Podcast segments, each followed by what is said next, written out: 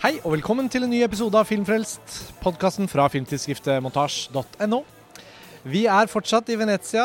Um, nå har festivalen måtte, begynt å trekke mot siste del, kan vi vel si. Og vi kom jo inn på innledningsvis at festivalen har mange store navn. Mange filmer har ventet på oss, og vi har ventet på dem med høye forventninger. Um, noen store navn kanskje ikke helt har levert som forventet. Men i denne episoden så skal vi snakke om den nye filmen til Sofia Coppola, 'Priscilla'. Og jeg kan avsløre såpass at uh, vi går til denne samtalen med en, en veldig sterk film i, i, kroppen. Og med meg rundt bordet, kroppen jeg har med meg, er Lars Ole Kristiansen. Hallo. Hei, Lars Ole. Hedda Robertsen. Hallo. Hei, Hedda. Og Benjamin Yazdan. Hei.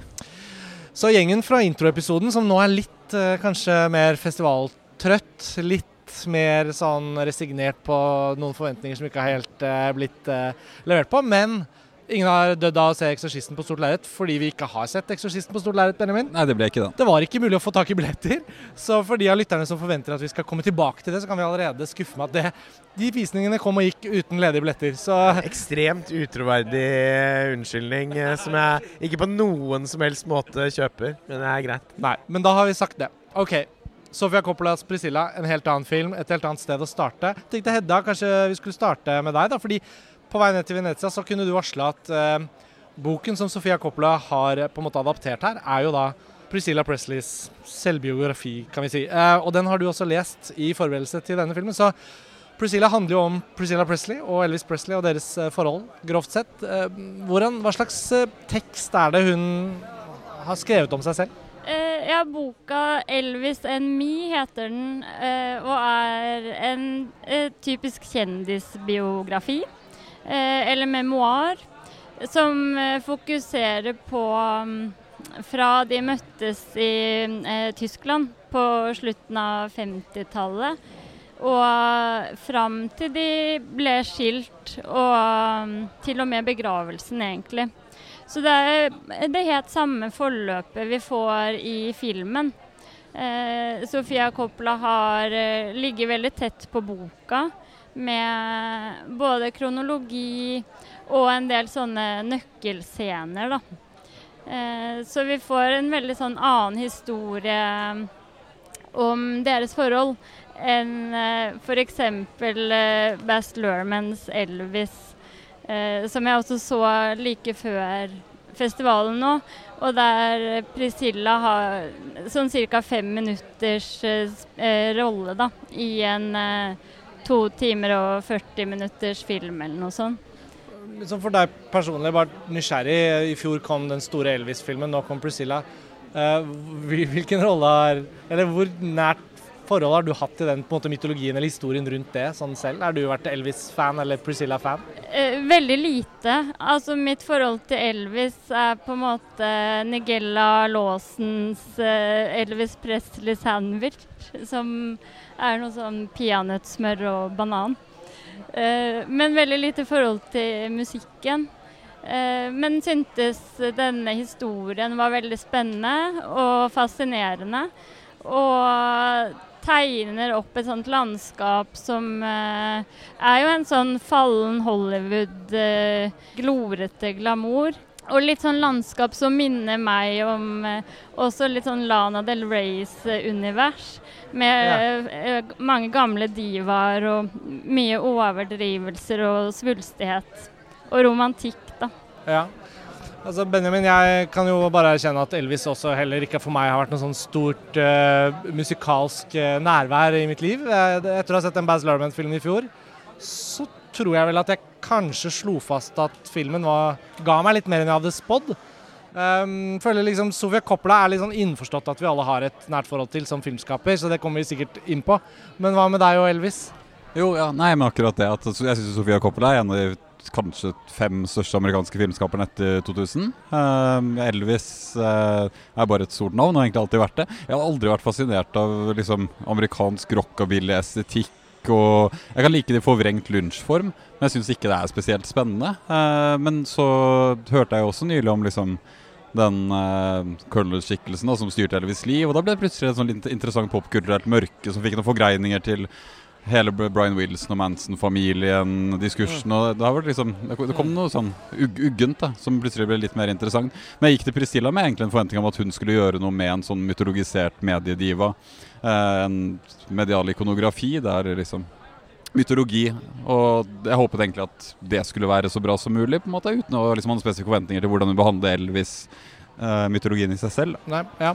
Jeg syns at Elvis er en av de mest bevegende stemmene i, i pop, pop- og rockmusikkens historie. Og, og så syns jeg han er et fantastisk stilikon. Uh, Uh, som virkelig hadde peiling på hvordan han skulle ta seg ut. Uh, fantastiske kostymer og fargesammensetninger og en kresen sans for bling. Og jeg syns Elvis er veldig kult. Uh, ikke dermed sagt at jeg har dyrket Elvis, men jeg har helt klart et forhold til han, også fordi moren min er veldig fan.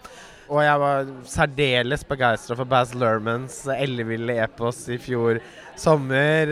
den appellerte veldig til mine postmoderne sensibiliteter, holdt jeg på å si. Men Sofia Coppola er jo min eh, Som jeg sa til henne da jeg eh, fikk en anledning til å møte henne i, i går, etter eh, en veldig god pressekonferanse, at uh, hun har vært min favoritt blant kontemporære filmskapere de siste 20 årene. Og det er rett og slett sant. da Hun uh, har laget tre av mine all time favorittfilmer. 'Lost in Translation', 'Marie Antoinette' og 'Somewhere'. Og så har jeg også vært det også dyrket uh, The Bling Ring. Var blant de få som vernet om On The Rocks. Var skuffet over The Beguiled. Og er uh, i skyene over Priscilla, som er det foreløpige høydepunktet i den andre fasen av hennes karriere. Hun begynte jo som vår tids viktigste amerikanske filmmodernist. Uh, og har i sine siste tre filmer beveget seg over i en mer klassisk fortellerstil. Som på en måte egentlig endelig får full avkastning. Jeg var som sagt veldig sjarmert av eh, screwball-pastisjen uh, og liksom Hollywoods gullalder-viben i On The Rocks. Men her syns jeg virkelig hun lykkes med å reetablere seg litt som stilskaper mm. i en form som tross alt er veldig annerledes enn de banebrytende tidlig 2000-tallsfilmene. Mm. For da føler jeg liksom at Elvis fikk jo filmen sin i fjor, og det er greit å bare kartlegge litt siden han er tross alt Elvis Presley. Men noe av det som jeg følte var så spennende med Priscilla, var at Sofia Coppola på en måte så ut til å kunne gå litt inn i en type biografisk rammefortelling som også gjaldt for Marie Antoinette. En film som aldri sluttet å fascinere, og som jeg tror bare øker i anseelse for hvert eneste år som går. Alle nye generasjoner som får stifte bekjentskap til den osv. Men den ble jo ganske hardt uh, tatt imot da den kom også. Altså, Jeg husker veldig godt at Marie Antoinette fikk eh, slakt i Cannes. Jeg fulgte altså Før man selv fikk anledning til å dra dit, så var jo Cannes en festival man fulgte ivrig på, på internett. Eh, for å få pekepinner på hvilke filmer som leverte og ikke. Og jeg eh, husker jeg altså, satt parat den dagen Marie Antoinette hadde premiere for å sjekke bussen. Og eh, da festivalen var slutt, så dro jeg til Paris for å se den to eller til og med tre ganger der. Eh, I og med at eh, i alle fall var sånn før at Uh, en del filmer fra hovedkonkurransen settes opp i Paris uh, etter at Cannes-festivalen er uh, ferdig. Og da den omsider kom på norsk kino, så så jeg den Eh, ja, en sånn fem ganger eller noe sånt nå. Så det er jo en film jeg virkelig har dyrket og i mange år måtte forsvare. Men eh, nå føler jeg jo at man sitter igjen med ganske solid avkastning og renters ja, renter. fordi nå er jo alle enige om at den filmen er et mesterverk og en av de virkelig innflytelsesrike, stilskapende filmene fra 2000-tallet. Jeg føler det er et, en, en, linje man kan trekke litt. da. Det ble trukket i forveien, men også etter at vi har sett filmen, så syns jeg jo at det både er spennende hvordan den eh, eksisterer i litt av det samme på en måte fortellerkulturelle. Nesten sånn Hva er hun interessert i? Hvordan ser hun på hovedpersonen sin? Men jeg syns faktisk Priscilla Den kanskje største overraskelsen For jeg forventet at den kom til å være bra, og jeg ble virkelig, virkelig grepet og rystet på mange måter av filmen. Så syns jeg det var så gledelig å se at den utvider side ved Sofia Coppola som filmskaper. At den ikke bare på en måte repeterer. Det ville også vært greit, fordi hun er så stor. Men jeg syns det mørke og den kanskje klokskapen, som både kommer litt med alder, men også kommer litt om kanskje hva hun er nysgjerrig på å se etter, som kanskje ikke har sett i de andre fortellingene hun har laget film av. Jeg vet ikke, jeg ble veldig imponert over akkurat det. At den var villig til å gå så mørkt til verks her. Fordi man kan tenke på Priscilla og Elvis sin historie som en kjærlighetshistorie. Eh, etter å ha sett filmen så syns jeg den kanskje vel så mye er en historie om spøkelser og om det ufullendte og om møtet mellom to mennesker som kanskje aldri var stilt overfor hverandre i en slags sånn begjærssituasjon, men at det er mer en slags lengsel etter noe den andre ikke helt kan utfylle. og sånn. Så jeg syns Og projisering. Er En, boka- en Pygmalion-fortelling. Er boka like trist? Ja, absolutt. Um, Priscilla Presley selv hun tar mye mer forbehold. Så det er veldig tydelig at hun er redd for å sverte Elvis sitt rykte. Uh, og den var vel Ja. skrevet på 80-tallet, lurer jeg på. Uh, og var en bestselger i USA i mange år. Uh, men de her scenene som vi ser i filmen Det er bl.a. en sånn putekrig, og så ser vi at eh, eh, Priscilla på en måte vinner. Eh, og så blir Elvis kjempesint, og de begynner å krangle, for han tåler ikke å tape. Eh, og så er det et annet øyeblikk hvor han eh, Han vil ikke ha sex med henne. Og sier at hun må kontrollere sitt eget begjær, så det ikke kontrollerer henne. Eh, og det er ordrett fra boka. Eh, så alt det mørke og destruk destruktive og mm, hvor forstyrra person Elvis faktisk var, eh, det kommer jo veldig tydelig fram både i tekst og film, da. Og gjør jo filmen mye mørkere, som du sier, enn eh, Marie Antoinette. Eh, ja, vi snakka om Benjamin og jeg at den er mer psykologiserende. Eh, man føler den er veldig sånn klaustrofobisk. Eh, samtidig er det jo fortsatt sånn eh, Coppola ofte fokuserer veldig mye på overflatedetaljer. Nips og sminke. Eh, og de her falske øyevippene hun tar på på vei til fødestua. Så det er veldig Man får veldig sånn innblikk i alle all materialiteten, da. Eh, Det beige teppet på gulvet, eh, sånne porselenshunder på, i vinduskarmen. Men er, det er ikke bare det som eh, forteller. Det er også veldig sånn tett på eh, Priscilla som en ganske sånn egentlig ordinær jente i en eh, privilegert familie, da. Eh, men hun eh, Ja, jeg syns det er noe av det Coppola har fått til veldig fint her. At Priscilla virker så vanlig og ordinær. At hun lar også mye stillhet og kjedsomhet eh, ta tid og plass da, i filmen. Ja, jeg tenkte, jeg tenkte på det med psykologiserende, så syns jeg det er jo en umiskjennelig en Sofia Coppola-film. Eh, Den har jo veldig mange av de kjenneverkene som du også er inne på. Da, så Overflatefokus og visuell historiefortelling gjennom objekter osv. Men det er hennes, og dette høres nesten ut som om man er nødt til å sammenligne med noen andre for å si at hun har endra stilen, men jeg syns den er litt Paul Thomas Anderson-aktig også. I at den bruker en relasjon gjennom et psykologisk prisme for å si noe om mentalitet og tidsånd osv. For det er jo et så lite amerikansk skrekkabinett, egentlig, den filmen her. Og det minner meg om The Master, egentlig. eh, I noe med liksom begjærsstrukturer og sosial bevissthet kontra privat subjektivitet. At det blir veldig utflytende og ganske ubehagelig. Så hun gjør nok et liksom, subjektstudie mer enn i Marie Antoinette. Eller hun gjør jo det der òg, men med andre midler. da. Altså Hun er ikke like, hun er like medialt årvåken som hun alltid har vært. Da, for hun er jo en kulturkritisk filmskaper som veldig få andre er i nærheten av, egentlig. Eh, også i og med at hun sjelden opptrer fordømmende, men klarer å stille ut noe og ha et veldig komplekst Ja. blikk. At det blir prismer, det. Det lykkes hun jo med denne gangen også. Og eh, denne filmen har jo, som du påpeker, ikke en sånn impresjonistisk stil som Marie Antoinette har. Eh, men eh, vi kommer veldig inn i Priscilla, både Elvis og Priscillas sinnsstemninger. Og jeg syns at det er ganske likt fordelt.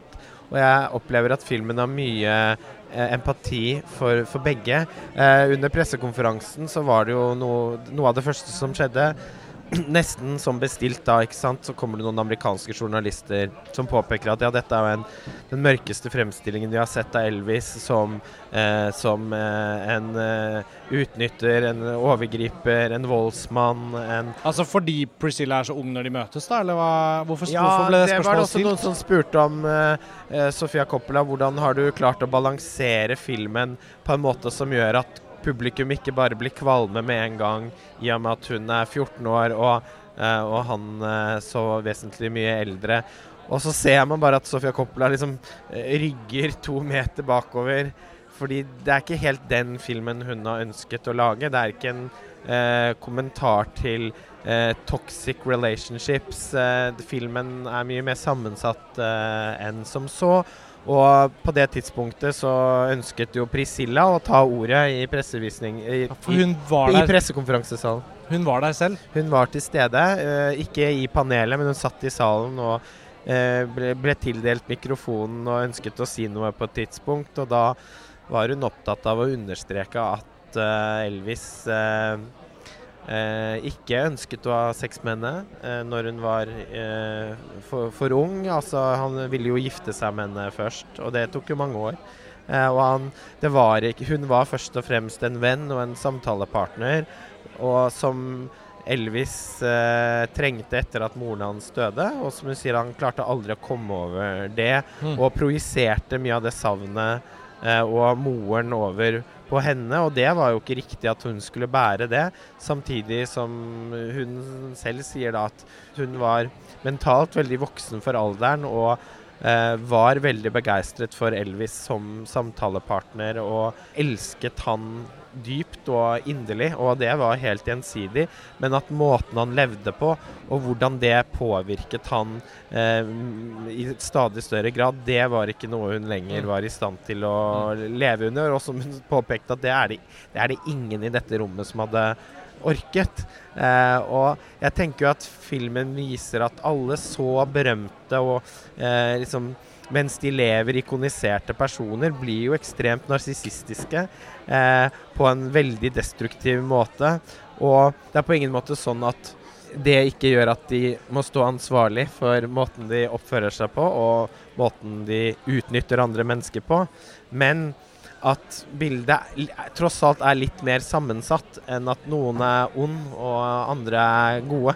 Altså, Elvis er ingen demon i denne filmen. Han er en veldig knust, et knust menneske som på en måte manipulerer eh, Priscilla til å eh, pusle sammen de brikkene av det som en gang liksom var en personlighet igjen. Og så lykkes jo ikke det spesielt godt. Nei, det lykkes ikke spesielt godt, og jeg syns uh, Sofia Coppola finner veldig mange fine ulike på en måte scener fra det samlivet, for å illustrere det. da. På den litt lysere siden så er det jo litt komisk når Elvis bestemmer seg for å ta med alle mulige sånne bøker om indiske eh, healere og, og, og yogagreier og sånn hjem, og bare vil lese om filosofi. Jeg er veldig frustrert over at ikke Priscilla er interessert i det. Og hun er selvfølgelig frustrert over at han sitter der med tjukke bøker på sengekanten istedenfor å omfavne henne.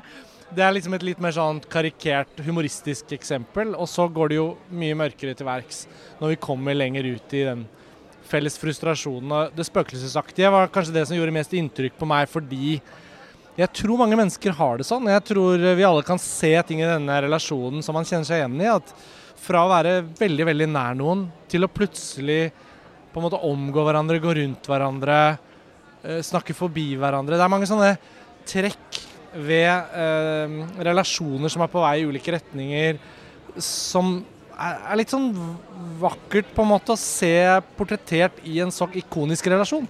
At det kjendisaktige eller det liksom mytologiske ved, ved Elvis og Priscilla blir liksom også brakt ned på et litt mer sånn mellommenneskelig plan. Mens en helt annen ting som hun ikke har gjort i noen filmer jeg har sett, i hvert fall, det er at hun også trekker inn det jeg følte var en slags sånn religiøs allegori her. da. Av, eh, Apropos at The Master og kanskje litt Paul Thomas Anderson og Lars Ole, du nevnte at det var litt sånn, nesten som en litt sånn Scorsese-film òg. Det, der, Ja, og det, og det der med at uh, de, han ikke vil ha sex, men at det blir sånn derre Han på en måte behandler henne som en slags jomfru som er for god for denne verden. Og når hun da blir gravid, så er det jo som om det har skjedd som om det bare skjedde. ikke sant? Guds inngripen. Og dette liksom blir filtrert inn i filmen på en veldig sånn spennende måte, syns jeg. Og det føltes nytt hos Coppola. Jeg, jeg syns eh, seksualitet er et veldig interessant tema i både filmen og boka. Og i og for seg også i Marie Antoinette, som vi snakka om. Eh, at det er eh, menn med makt som ikke egentlig klarer å være intime. Og i begge tilfellene er det da kvinner som er veldig ensomme i store hus. Og det går bygges opp gjennomgående i boka at eh, Elvis vil vente til ekteskapet. Eh, så han gjør jo hele tiden Priscilla til en sånn dyrebar gjenstand, nesten. Mot hennes ville, da, fordi hun jo er veldig forelska og ønsker å være nær han. Eh, men ja, jeg syns også det er interessant med det her åndeligheten, eller interessen for det åndelige, som eh, også var veldig eh, Ja, alle mulige former for det på 60- og 70-tallet, som da både Elvis og Priscilla selv plukka opp og eh, praktiserte eh, på hver sin måte, for så å bare forkaste igjen. Og måten Elvis eh, henvendte seg til folk rundt seg, hadde jo også noe litt sånn predikantaktig ved seg. Eh, at han både liksom tonefall, eh, måten han eh, ja, forholdt seg til andre, eh, så tok han en slags presterolle, nesten. Ja. Ja. Det, er, det er jo en sånn klassisk, klassisk hva skal man si, kulturkritisk kjendis-mytologi-grunntanke. da, At vi projiserer og bruker kjendiser eller berømtheter som beholdere for egne private former for begjær. Og det er uhyre interessant at det gjenspeiles også i den private relasjonen mellom Elvis og Priscilla. Ikke nødvendigvis bare fordi det kjendismessige infiltrerer deres intimitet, men fordi det er den samme typen overføringer, de samme type begjærsstrukturene, ønskene, følelsene, lengslene, tilknytningen er ikke så veldig ulik, på en måte. Og uten at uh, Sofia Coppola dermed sagt sier at dette er uhyre dumme konsumenter som lever ut sine liv som konsumenter, men identifiserer de samme type begjærsstrukturene både i kjendisdyrkingen og i helt private relasjoner. Da. Det er ganske subtilt gjort, syns jeg, i filmen. Ja, og Priscilla er jo også trukket mot artisten og rollefiguren Elvis. Og uh, på motsatt side, som du påpeker, Hedda, så objektiviserer han henne bl.a. ved å ikke være interessert i eh, hennes begjær. Det blir jo en sånn Pygmalion-situasjon da, hvor han hele tiden eh, kommer med små irettesettelser og ønsker til hvordan hun skal uh, Hvilken farge hun skal ha på håret, hvilke kjoler hun skal velge å gå med. Han har jo eh, Nettopp fordi han var så opptatt av mote, da, så har han jo veldig mange innspill. Og han har hele tiden rett. eh, Men den er han- vond, den første scenen der. ja, altså, ja, nå sier jeg dette bare veldig kaldt, altså, sånn, men jeg syns jo de scenene er eh, Det er jo pinlig og stusslig å se hvor viktig det er for ham at hun ikke skal ta noen egne valg. Eh, og eh, bare være der som et trofé for han, og noe han på en måte forsyner seg av ved behov. Hun eh, foreslår en hel masse ting og får blankt avslag, da. Fordi Nei, du er nødt til å være der for meg hvis jeg ringer, så du kan ikke ha noe jobb. Selv om det sikkert ville vært veldig utviklende for henne. Hun får jo mer eller mindre ikke forlate Graceland og blir en slags fange der inne. Som en prinsesse på toppen av et tårn. Og det er jo et, et overgrep mot en så ung person. Og den formen for manipulering som filmen skildrer egentlig helt kaldt, er jo noe man får høre om fra veldig mange lignende relasjoner mellom en veldig berømt person og en som da i alle fall i utgangspunktet ikke er det. Men eh, som jeg sa i stad, så syns jeg jo filmen eh, lykkes med å skildre den dynamikken på en kompleks måte, istedenfor å være tydelig liksom, saksorientert og belærende på en eh, tidsriktig måte. Ja, og jeg synes også det nettopp det du sier det der, så er det jo veldig interessant fremstilt hvordan han støper henne i sitt bilde. Eh, hvis man skal gå enda lenger med den psykoanalytiske eller psykologiserende tolkningen, da, så er jo det akkurat det som har skjedd med Elvis også. Han er også støpt i allmennhetens bilde. Og han har jo et kjempestort apparat bak seg som dikterer hva han får lov til å gjøre og ikke lov til å gjøre.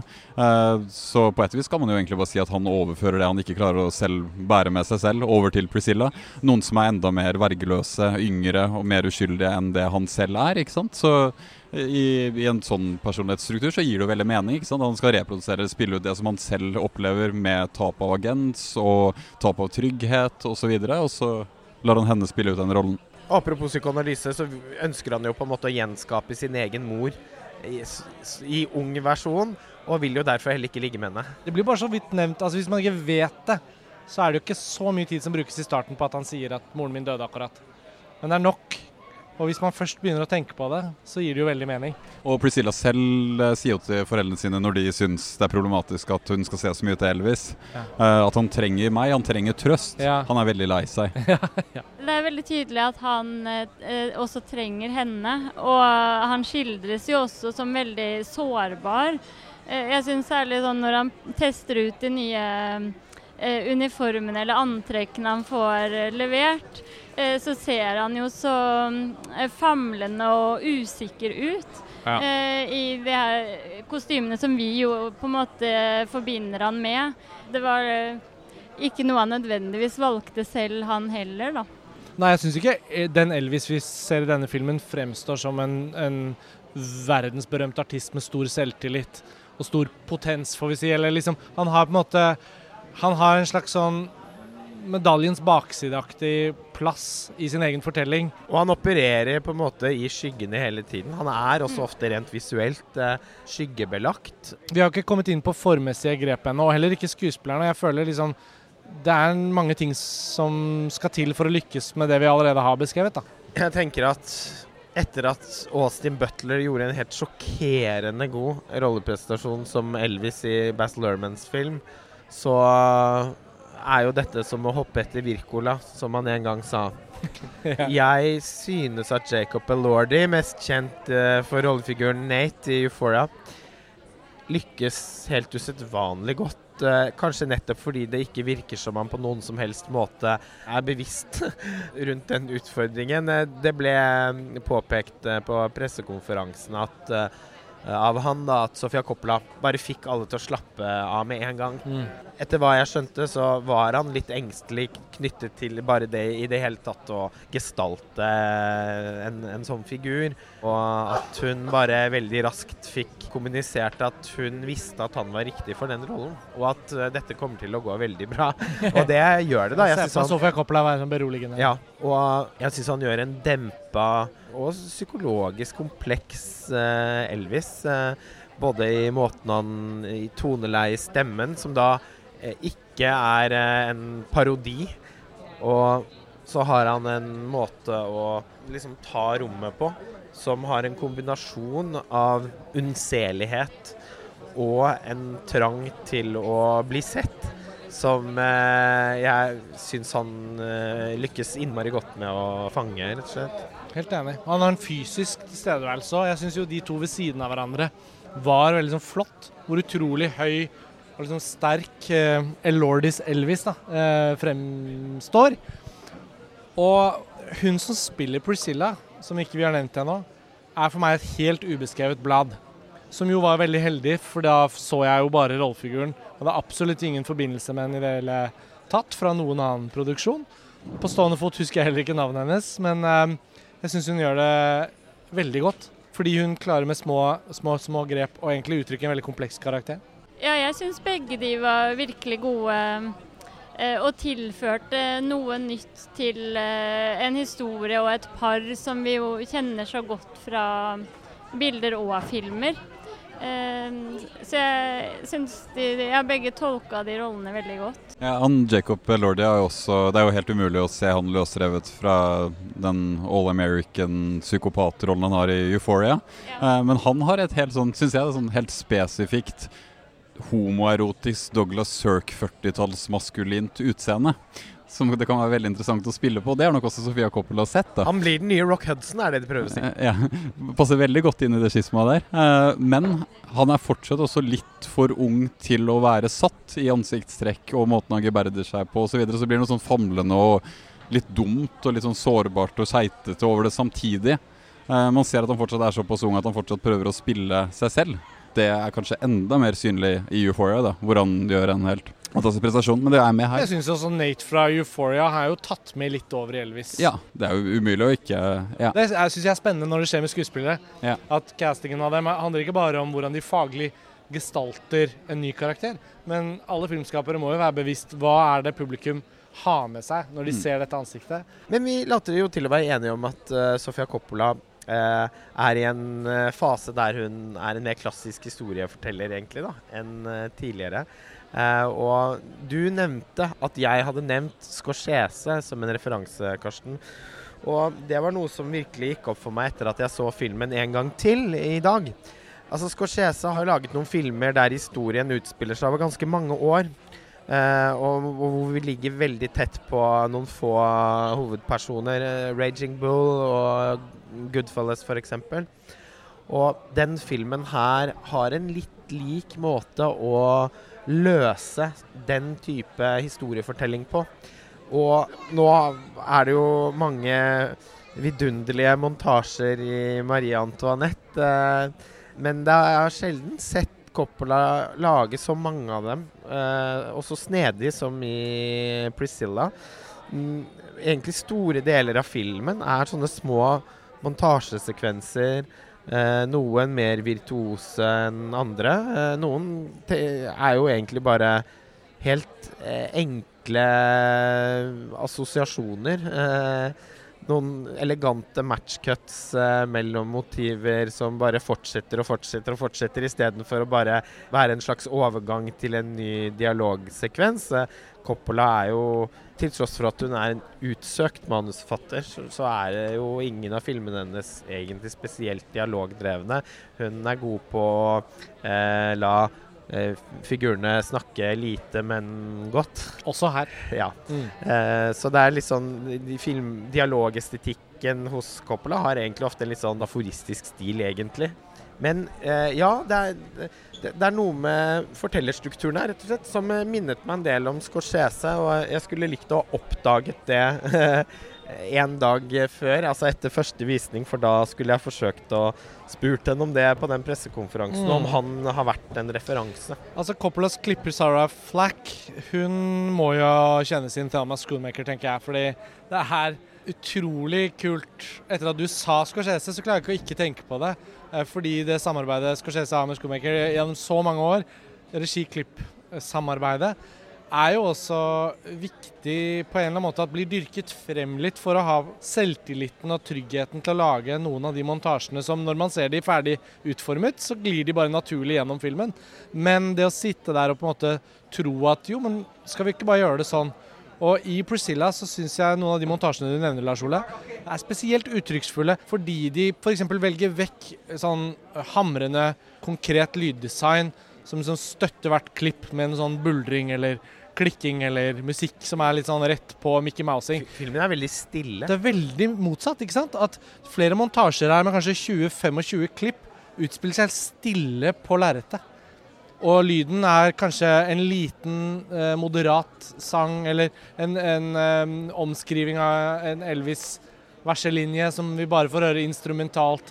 Det var veldig, veldig vakkert gjort. Vi forbinder jo også pindrops med Scorsese, og Coppola er jo da Ja, har jo Få har påvirket uh, unge sinns musikksmak mer enn Sofia Coppola. Det kan i alle fall jeg skrive under på. Du kan ha vært et ungt sinn da du så Lost in Translation. Og Marie Antoinette. Og Marie eh, Antoinette. også. Det Lost in Translation, en helt ny CD-en Lost in. Translation Ja. med det soundtracket. Ja, jeg har oppdaget Den My har Bloody. Valentine. Uh, altså uh, Jeg har ikke ord for hvor mye jeg skylder henne av min smak på mange områder.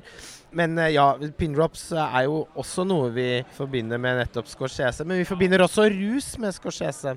Og det er mye rus i filmen, og det syns jeg også var uhyggelig og eh, kaldt fremstilt. Eh, vi ser bare at Elvis eh, plasserer piller i hånden hennes og kommer med en sånn en, en, ja, en, en kort tweet uh, om uh, hva funksjonen er og hvorfor hun burde velge å svelge den. Ta denne, du. Da får du Da sove. vil du sove godt i natt. Ja. Du trenger å være våken i morgen. Ta den. Denne her vil hjelpe deg med det. Det ville vært lurt, lurt hvis du tok den nå. Så ser man jo hvordan uh, det stadig blir flere utvekslinger av piller, og at hun egentlig klarer å begrense seg, men at han da gradvis går helt fullstendig i oppløsning. Og det blir jo starten på hans død, rett og slett. Eh, Han ruser og spiser seg i hjel mot slutten, som vi alle vet. Men Hedda, du nevnte jo at boken til Priscilla Presley da, tar oss gjennom hele hennes tid med ham. I filmen så er det jo gjort noen utvalg òg. Det er jo en litt åpnere slutt, kanskje, kan man si. Eller det er liksom noen sånne grep underveis. Um, hvis vi skal nærme oss avslutningen, da, hvordan ville du liksom oppsummert forholdet mellom hvordan hva Coppola kanskje har tilført eller tatt vekk, siden du akkurat leste boken? De står jo på en måte fritt fra hverandre. Men det er jo i stor grad eh, det samme, den samme historien vi får, da. Men at uh, Coppola kanskje har eh, ta, ja, tatt ut en slags essens og gjort det mer visuelt, da. Fordi, ja, som dere sier, det er jo ikke så mye dialog. Det er heller valgt ut eh, en del sånne nøkkelscener. F.eks. bryllupet, som jo beskrives i detalj i, i boka, er jo nesten bare et eh, fotografi eller en bildeserie i eh, filmen.